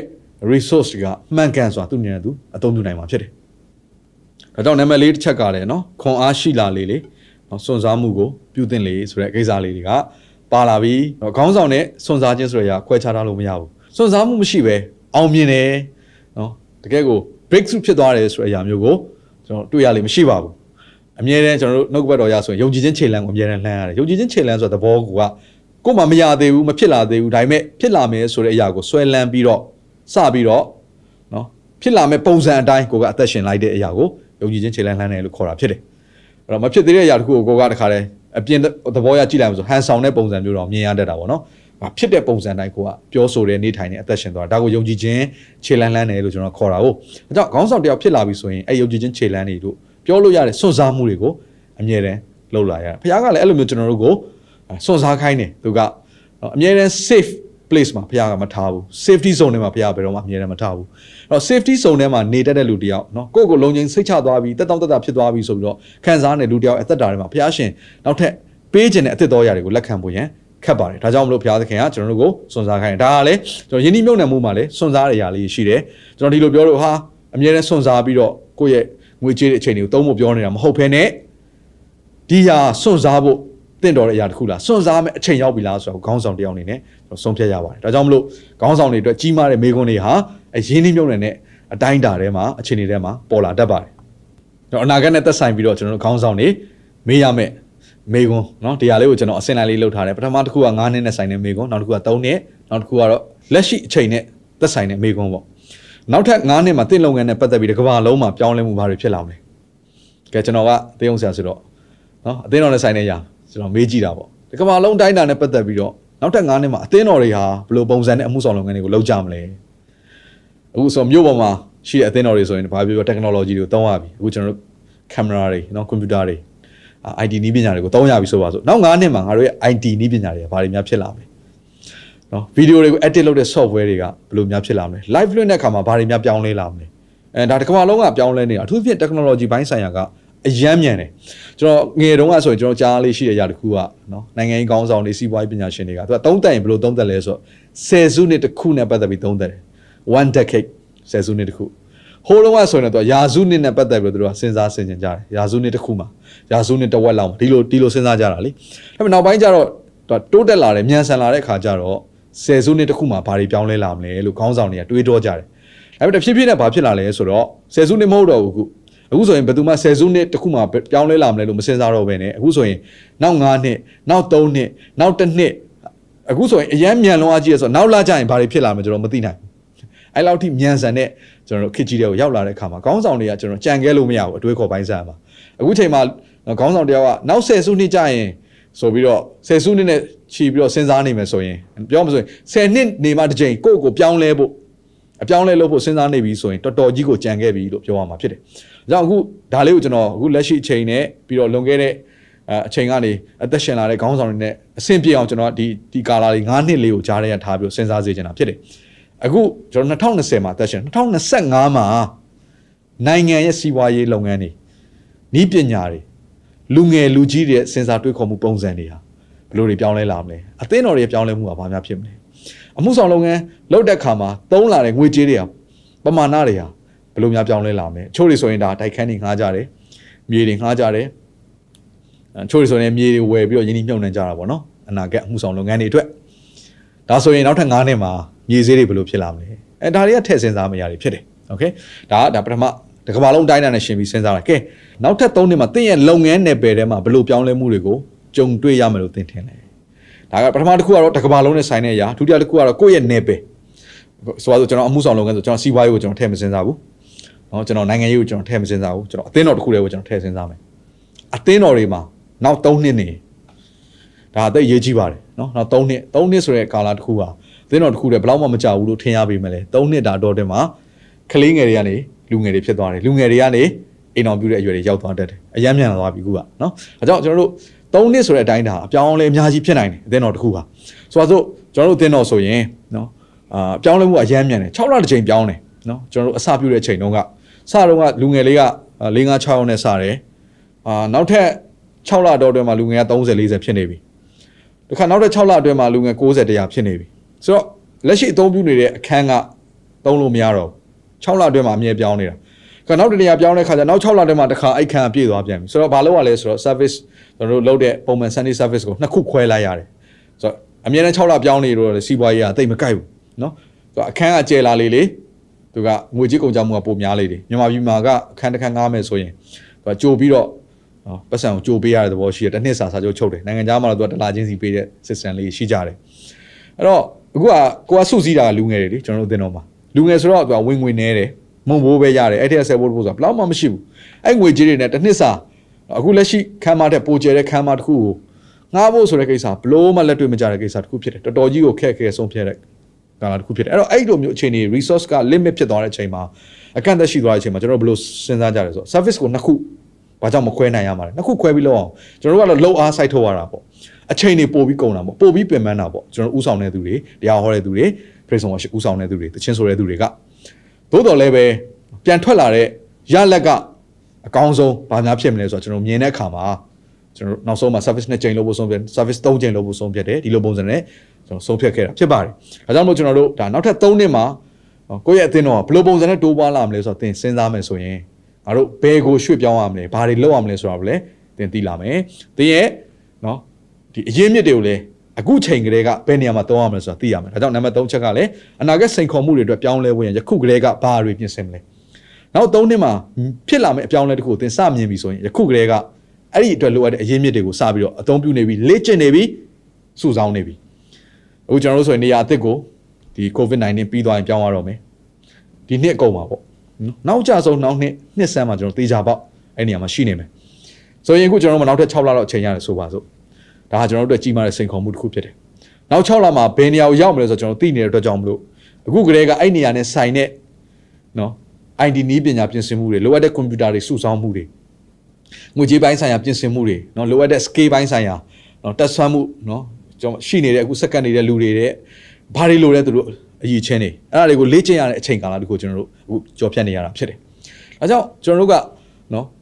ခေါင်းဆောင်တယောက်အနေနဲ့เนาะခေါင်းဆောင်တယောက်အမြင်ခေါင်းဆောင်တယောက်ရဲ့အပါနဲ့မှုခေါင်းဆောင်တယောက်နားလည်မှုဟာဒီရင်းနှီးမြုပ်နှံမှုတွေမှာအင်တာမအရေးကြီးသလိုကိုယ့်ရဲ့အဖွဲ့အစည်းတိုးတက်မှုအောင်မြင်မှုတွေမှာအင်တာမအခရာကြပါတယ်အဲ့ တော့အနာဂတ်မှာဥဆောင်မဲ့ခေါင်းဆောင်တယောက်အတွက်ယုံကြည်ချက်သူ့ဘာကိုယုံကြည်တယ်လဲဒါဒီယုံကြည်ချက်အတိုင်းပဲသူကယုံကြည်ခြင်းခြေလှမ်းလှမ်းတာနော်စွန့်စားတာပေါ့ဆိုတော့နောက်တစ်ခုကပါလဲဆိုတော့ခေါင်းဆောင်တယောက်အနေနဲ့ကို့မှာဘာရှိတယ်လဲပြီးတော့အချိန်ကာလနဲ့အခြေအနေတွေပေါ်မှာနော်နားလေသဘောပေါက်ပြီးတော့ကို့မှာရှိတဲ့အရင်းမြစ်တွေကိုစီမံခန့်ခွဲတတ်တော်သူနော်ဖြစ်ဖို့အရန်ရေးကြီးပါတယ်နော်ဘသူကိုဘယ်နေရာမှာဘယ်လိုအချိန်မှာဒါလေးတွေကကွာဘယ်ခေါင်းဆောင်တွေမှမတူထူးထူးခြားခြား ကိုကထက်မြက်နေတယ်ဆိုရင်သူ့ရဲ့ဥဆောင်မှုအောက်မှာသူဥဆောင်တဲ့လုပ်ငန်းဟာအင်တာမှာကြီးပွားတိုးတက်အောင်မြင်မှာဖြစ်တယ်အဲ့တော့ခေါင်းဆောင်တယောက်အမြင်အာရုံနော်သူကြိုပြီးတော့မြင်တတ်တဲ့အရာနောက်ဆုံးမှာသူ့ရဲ့မှန်ကန်တဲ့ဆုံးဖြတ်ချက်တွေနောက်သူ့ရဲ့ character အမှုအကျင့်တွေနော်ဒါတွေဟာသိပြီးတော့အရေးကြီးပါတယ်အဲ့တော့ကျွန်တော်နောက်ဆုံးအနေနဲ့ပေါ့နော်အဲကျွန်တော်တို့နိုင်ငံတော်ထဲမှာယင်းနှိမ့်မြုပ်နှံခြင်းဆိုတဲ့အရာကိုလည်းကျွန်တော်နှုတ်ကပတ်ချမ်းစာနဲ့အနေငယ်ခွန်အားပေးခြင်းပါတယ်အဲ့ဒါလေးကတော့ကျွန်တော်လူကာခန်းကြီး16မှာရှိတယ်အဲ့တော့ကျွန်တော်တို့ကဒါကလည်းဘုရားရှင်ကျွန်တော်တို့ကိုပေးထားတဲ့ ဒီအရင်းမြစ်တွေကိုဘယ်လိုပြန်လဲပြီးတော့သုံးပြုလဲဆိုတဲ့အရာနဲ့ပတ်သက်ပြီးတော့ယေရှုခရစ်တော်သင်ကြားပေးတဲ့အရာဖြစ်တယ်။အဲ့တော့ကျွန်တော်တို့ကဒီယင်းနှိမ့်မြုပ်နှံခြင်းဆိုတဲ့အရာတခုကိုသွားတဲ့အခါမှာနော်မှန်ကန်ဖို့ရန်အတွက်သူကရည်ရွယ်ချက်ရှိရှိ intentionally သွားဖို့လိုတယ်နော်ယင်းနှိမ့်မြုပ်နှံခြင်းဆိုတာကရေလိုက်ငါးလိုက်လုံးလို့မရဘူးနော် accidentally မတော်တဆဖြစ်သွားတဲ့အရာတခုမဟုတ်ဘူးအောင်မြင်ခြင်းကမတော်တဆဖြစ်လာတာမဟုတ်ဘူး ရည်ရွယ်ချက်ရှိရှိဖန်တီးရတာဖြစ်တယ်။ဒါကြောင့်မလို့ယင်းနှိမ့်မြုပ်နှံမှုကိုကျွန်တော်တို့ကနော်ရည်ရွယ်ချက်ရှိရှိနဲ့ရှင်းကပ်ရမှာဖြစ်တယ်။အဲ့တော့ယေရှုခရစ်တော်ကဒီနှုတ်ကပတ်ကျမ်းစာထဲမှာသင်ပေးထားတဲ့အရာတွေကကျွန်တော်တို့ဒါအခုလက်ရှိကာလတွေမကဘဲနဲ့ထာဝရနဲ့ဆိုင်တဲ့ကာလအတွက်ပါရင်းနှီးမြုပ်နှံမှုရန်အတွက်တောချက်ဖြစ်တယ်ဒါလေးကလူကာ16အခန်းကြီး1ကနေပြီးတော့သင်ဖတ်ကြည့်ပါဒီဇလန်လေးထဲမှာသူကအလုတ်ရှင်ရဲ့နော်တပည့်ရှိတယ်သူကအလုတ်ရှင်နဲ့ဆိုင်တဲ့အဲဒီငွေကြေးတွေပေါ့နော်သူကဘန်နာတွေကို သူကအလွဲသုံးစားလုပ်လိုက်တယ်ကောင်းမွန်စွာမမြုပ်နှံဘူးကောင်းမွန်စွာမသုံးဘူးသူကိုကြိုးတဲ့သုံးတာလည်းဖြစ်နိုင်တယ်ကျန်းစာထဲမှာတော့သူကဥစ္စာတွေကိုဖျက်ဆီးလိုက်တယ်ဆိုတဲ့ကလုံးကိုသုံးထားတယ်ဆိုတော့ဒါကိုဒီသတင်းကသခင်စီကိုသူရောက်သွားတာပေါ့အခြားတဲ့အခြားသောသူတွေအားဖြင့်ပေါ့ဒါနဲ့သခင်ကခေါ်ပြီးတော့သူ့ကိုဘန်နာဆိုးမလုံးနဲ့ဆိုပြီးတော့အပြစ်ပေးလိုက်တယ်အဲ့ဒီမှာဘန်နာဆိုးကသူကဘယ်လိုပြောလဲဆိုတော့နော်ငါဟာတဲ့အခုဘာမှလုပ်ဆရာမရှိဘူးဘာလုပ်ရမလဲဆိုတော့ तू မသိတဲ့အခါမှာ तू ကဘာလုပ်လဲဆိုတော့အရင်တုန်းက तू ဒီသခင်ရဲ့အလုပ်ကိုလုပ်ရင်းနဲ့အဲဒီစီးပွားရေးလုပ်ငန်းထဲမှာ तू ကျင်လည်ခဲ့တဲ့သူတွေပေါ့နော်။ तू ပြောမှဆို तू ငွေကြေးချိခဲ့တဲ့လူတွေဒီတခင်ရဲ့ဘန်နာကိုပဲတုံးပြီးတော့ငွေချိခဲ့တဲ့လူဆို तू ကပြန်ပြီးတော့သွားပြီးတော့ तू ကဘလို့ပြောလဲဆိုတော့နော်။ तू ကအငင်ကားမှဆိုတခင်၌ငွေရှိသောသူအပေါင်းတို့ခေါ်၍ငါ၏တခင်ကိုဆက်ပေးရန်တင်၌အဘယ်များလောက်ရှိသည်နည်းဟုတယောက်ကိုမေးလင်။ဒါလူတယောက်ကိုခေါ်ပြီးတော့ကောင်းပြီ။ तू ကအခုလောလောဆယ်တော့တခင်ရဲ့ဘန်နာဆိုမဟုတ်တော့ဘူးနော်။ဒါပေမဲ့ तू ကသွားပြီးတော့နော် မဟုတ်တော့ပေမဲ့လေငါသခင်ကိုမင်းပေးရမယ့်အကျွေးဘယ်လောက်ရှိရောသွားမေးတဲ့ခါကျဟိုတယောက်ကဟာငါမှာတဲ့စီခွက်စီခွက်တစ်ထောင်ပေးဖို့ရှိတယ်တဲ့ဒါနဲ့ဘန်နာဆိုးကတခါတည်းနော်အဲ့ဒီစီခွက်စင်းပေးရမယ့်စင်းကိုမင်းနော်ယူပြီးတော့တဲ့တစ်ထောင်မပေးနဲ့တော့900ပဲပေးလိုက်တော့ဆိုပြီးတော့ तू ကသခင်ကအခွင့်အာဏာပေးတာမဟုတ်ဘဲနဲ့ तू ကဂျားထဲကနေပြီးရှော့ပေးလိုက်တယ်အဲ့တော့ short ပေးလိုက်တဲ့အတွက်ဘာဖြစ်လဲဆိုတော့နော်ဒီဇလန်ထဲမှာတော့အသေးစိတ်မပါပြီမဲ့အ short ပေးခံရတဲ့လူကသူ့ကိုတေချာပေါက်နော်ဒါကျေးဇူးပြုမှာပဲသူ့အတွက် အဆင်ပြေသွားတယ်ပေါ့နော်အစာရတောက်ရတာအဆင်ပြေသွားတယ်ကဲဒါနဲ့နောက်တစ်ယောက်စီကိုသူကတစ်ခါသွားပြီးတော့ကဲမင်းမရောဘလောက်ပေးရပေးစရာရှိလဲလို့ပြောတဲ့ခါမှာအဲ့ဒီလူကဘာပြောဆိုငါမှဂျုံစပါအတင်းတထောင်ပေးဖို့ဆက်ပေးဖို့ရှိတယ်ဒါနဲ့ဘန်နာဆိုးကတခါတည်းဟုတ်ပြီလားအဲ့စင်းကိုယူလာခဲ့ပြီးတော့မင်းတထောင်ပေးစရာမလိုတော့အခု800ပဲပေးလိုက်တော့ဆိုပြီးတော့200ကိုသူကရင်သူ short ပေးလိုက်တယ်ဆိုတော့ဒါကိုကျမ်းစာကဘယ်လိုမှတ်တမ်းနေလဲဆိုရင်ယေရှုခရစ်တော်ကဘယ်လိုပြောထားလဲဆိုရင်မတရားသောထိုဘန္နာဆိုတဲ့ တေချာပေါက်ကတော့ဒီဘန္နာဆိုတာမတရားဘူးဒါပေမဲ့ယေရှုကဘာကိုချီးကျူးလဲဆိုတော့ဒီဇလန်လေးထဲမှာဒီအဖြစ်အပျက်လေးထဲမှာဘာကိုချီးကျူးလဲဆိုတော့ဒီမတရားသောဘန္နာဆိုလုတ်တဲ့ຢာအင်တမနော်ပါနဲ့တဲ့ຢာတစ်ခုဖြစ်တယ်ဒါလေးကိုသူကတတ်မှတ်ပေးတယ်ကျန်းစာကျန်းစကားရဆိုတော့လိမ္မာစွာပြုတယ်ပေါ့ကျွန်တော်ဒါလေးကိုဖတ်ချင်ပါတယ်ငယ်ရှစ်ကနေစက်တစ်ထီကိုမတရားသောထိုဘန္နာဆိုသည်လိမ္မာစွာပြုသည်ကိုသခင်သည်ချီးမွမ်းလေအကြောင်းမူကားလောကီသားတို့သည်မိမိတို့အမှုကိုဆောင်ရွက်ရာတွင်အလင်းတို့ရောက်သောသူတို့ထက်သာ၍ လိမ္မာကြ၏နော်မိမိရဲ့ဘန္နာကိုအသုံးပြုပြီးတော့မိမိရဲ့ကိုဂျိုးအတွက်နော်စီးပွားရှာနေသောသူများပင်လျင်သူတို့လှုပ်ဆောင်သောအလုပ်တွေဟာဖျားရှင်နိုင်ငံတော်နဲ့ဆိုင်တဲ့အလုပ်မဟုတ်ပေမဲ့လေထာဝရနဲ့ဆိုင်တဲ့စီးစိမ်ကိုပြုစုသောအလုပ်တွေမဟုတ်ပေမဲ့လေသူတို့ဟာလိမ္မာပါနတ်စွာပြုတတ်ကြတယ်တဲ့အဲ့တော့ကျမ်းစာဘယ်လိုဆက်ရေးလဲဆိုရင်အငယ်ကိုကျွန်တော်ဖတ်ချင်တယ်တဖန်ငါဆိုသည်ကသင်တို့သည်စုတေသောအခါတဖန်အစဉ်မြဲတည်သောဗိမ္မာန်၌ သင်တို့ကိုလက်ခံလက်တတ်သောအဆွေရှိစေခြင်းကမမြဲသောလောကီစည်းစိမ်ကိုသုံးဆောင်ကြလော့ဟာဒီကျမ်းစာလေးကဒီနေ့ပြောတဲ့အရာရဲ့အဓိကနော်အနှစ်သာရဖြစ်တယ်ဒီလောကမှာရှိတဲ့လူတွေကတဲ့နော်ဘုရားသခင်ကိုတည်တော်သူတွေထက်ပင်လိမ္မာပါနတ်စွာပြုတ်တတ်ကြတယ်။အဲကြောင့်မင်းတို့ဘုရားကိုတည်တော်သူတွေကဒါယေရှုခရစ်တော်ပြောခြင်းတဲ့ message ကအဲ့ဒါဖြစ်တယ်။ဘုရားကိုတည်တော်သူတွေကနော်ထာဝရကာလမှာနေရတဲ့အခါမှာရရှိနိုင်မဲ့ဘန္နာတွေအတွက်တဲ့အခုဘဝကလေးက မမြဲတဲ့စီးစိမ်ကိုတုံးတဲ့နေရာမှာလိမ္မာပါနတ်စွာပြုကြပါ။ဒါဆိုပြောခြင်းတဲ့အဓိပ္ပာယ်ကပါလေ။သူကအခုလက်ရှိအချိန်ကာလမှာဘုရားရှင်ကျွန်တော်တို့ကိုပေးထားတဲ့အရေးအမြစ်တွေကိုပါပါနက်နက်မှန်မှန်ကန်ကန်သုံးတတ်ဖို့ရန်ဖြစ်တယ်။ကိုသုံးကျင်သလိုသုံးဖြုံးကျင်သလိုဖြုံးအဲ့လိုမျိုးအသက်ရှင်မှုဘုရားရှင်လုံးဝအလိုမရှိပါဘူး။အဲ့တော့အခုဆက်ပြီးတော့ဖတ်မယ်ဆိုရင်ပို့ပြီးတော့နော်သုံးရမယ့်နေရာလေးတွေကိုလည်းထည့်ပြီးတော့ပြောထားပါတယ်။ အဲ့ဒါကဘာလဲဆိုတော့ဒီဒီကြည်ချမ်းစာထဲမှာပဲပါပါတယ်။သင်တို့ကိုလက်ခံလက်တတ်သောအဆွေရှိစေခြင်းကမမြဲသောလော်ကီစီစဉ်ကိုသုံးဆောင်ကြတော့အဲ့တော့သူကနော်ဒီလောကီစည်းစိမ်ကိုတဲ့ဘယ်အแทမှာသုံးဖို့ပြောလဲဆိုရင်သူကထာဝရကာလမှာကျွန်တော်တို့ကိုကြိုးစုံနေမဲ့မိတ်ဆွေရှိဖို့ရန်အတွက်သုံးပါတဲ့ဆိုဘာကိုပြောချင်တာလဲသိလားယေရှုခရစ်တော်ကိုမသိသေးသောသူတွေ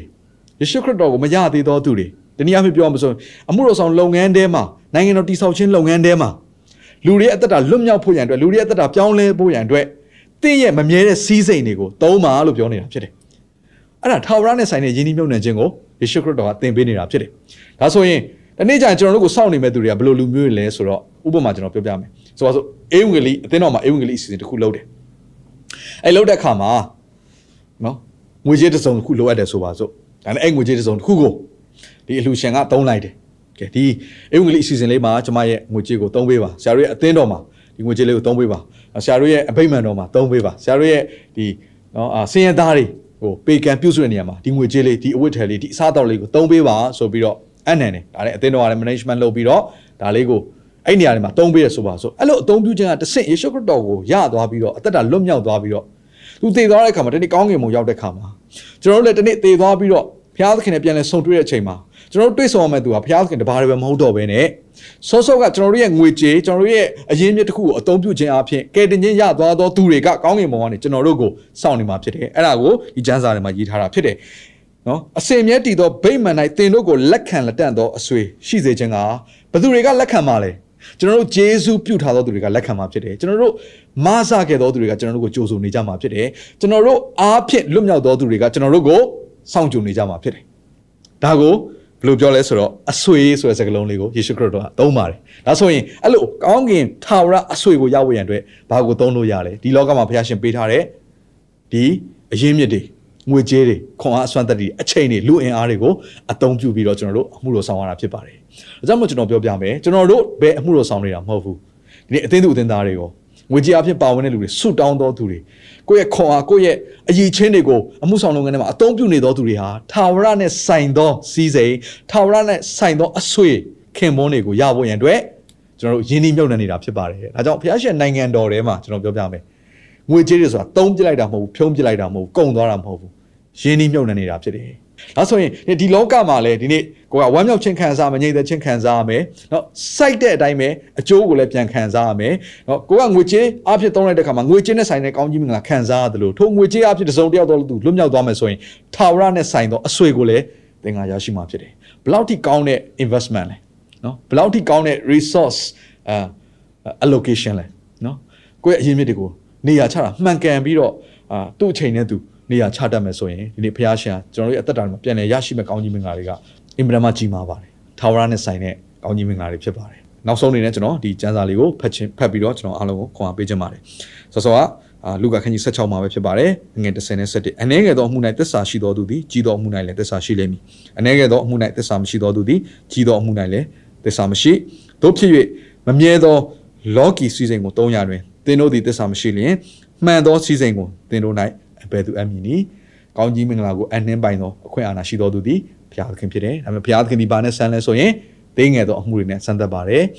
သင်မှာအရင်မြင့်မရှိဘူးလားဆိုရင်ရှိပါတယ်အဲ့ဒါဘုရားသခင်ပေးထားပြီးသားဖြစ်တယ်ရှိပြီးသားအရာကိုသင်ဘယ်လိုသုံးလဲဆိုတဲ့အရာကိုဘုရားရှင်ကစောင့်ပြီးတော့ကြည်နေတယ်သင်သစ္စာရှိတဲ့အတိုင်းပဲဘုရားသခင်ကတာပြီးကြီးသောအမှုများသောအမှုတွေကိုသင်လက်ထက်မှာအချင်းအပြင်သင်ဟာသူများနဲ့မတူထူကြသောကောင်းဆောင်အောင်မြင်သောသူကြောင့်ဖြစ်လာမယ်ဆိုတာကိုဒီစိတ်ချသောအခွင့်ကို နောက်ကဘတော်အပြင်ကျွန်တော်ဒီနေ့ခံစားပါတယ်။အဲကြောင့်မလို့ဒီနေ့ကြည့်ရှုသောသူတယောက်စီရဲ့အသက်တာထဲမှာဘုရားရှင်ကဉာဏ်ပညာပေးခြင်းအပြင်တော်ကောင်းယူပါယုံပေးခြင်းအပြင်တော်ကောင်းသင်ရဲ့အသက်တာမှာအောင်မြင်သောသူဖြစ်ပေါ်ရန်အတွက်ဒီနေရာကနေကျွန်တော်ဆုတောင်းပေးပါတယ်။ဒီရောက်တိုင်းပေါ်မှာဘုရားရှင်ကောင်းကြီးပေးပါစေ။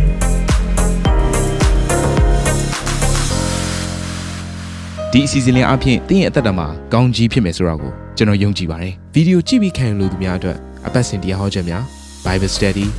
ကြီးမွန်ကိုးကွယ်ခြင်းနဲ့အခြားသောအကြောင်းအရာတွေဟာတင်းအတွက်အဆင်သင့်ရှိနေပါတယ် YouTube မှာ The City Space TV လို့ရိုက်ထည့်လိုက်တဲ့အခါကျွန်တော်တို့ကိုတွေ့ရှိမှာဖြစ်ပါတယ် Subscribe လုပ်ခြင်းအပြင်တင်းနဲ့ထက်ချက်မကွာအမြင်ရှိနေပါပါဒါအပြင် Facebook မှာလည်း The City ရန်ကုန်လို့ရိုက်ထည့်လိုက်တဲ့အခါသတင်းအချက်အလက်နဲ့ poster တွေကိုအချိန်နဲ့တပြေးညီတွေ့ရှိအောင်မှာဖြစ်ပါတယ်ခင်ဗျာ The City Podcast ကိုနားထောင်သူတိုင်းဖျားသခင်ရဲ့ထူကြသောဖွင့်ပြချက်နဲ့ကောင်းကြီးမင်္ဂလာများခံစားမိအကြောင်းကျွန်ုပ်ဆုတောင်းရင်ဒီ season လေးကိုဒီမှာပဲညံ့နာပါရစေ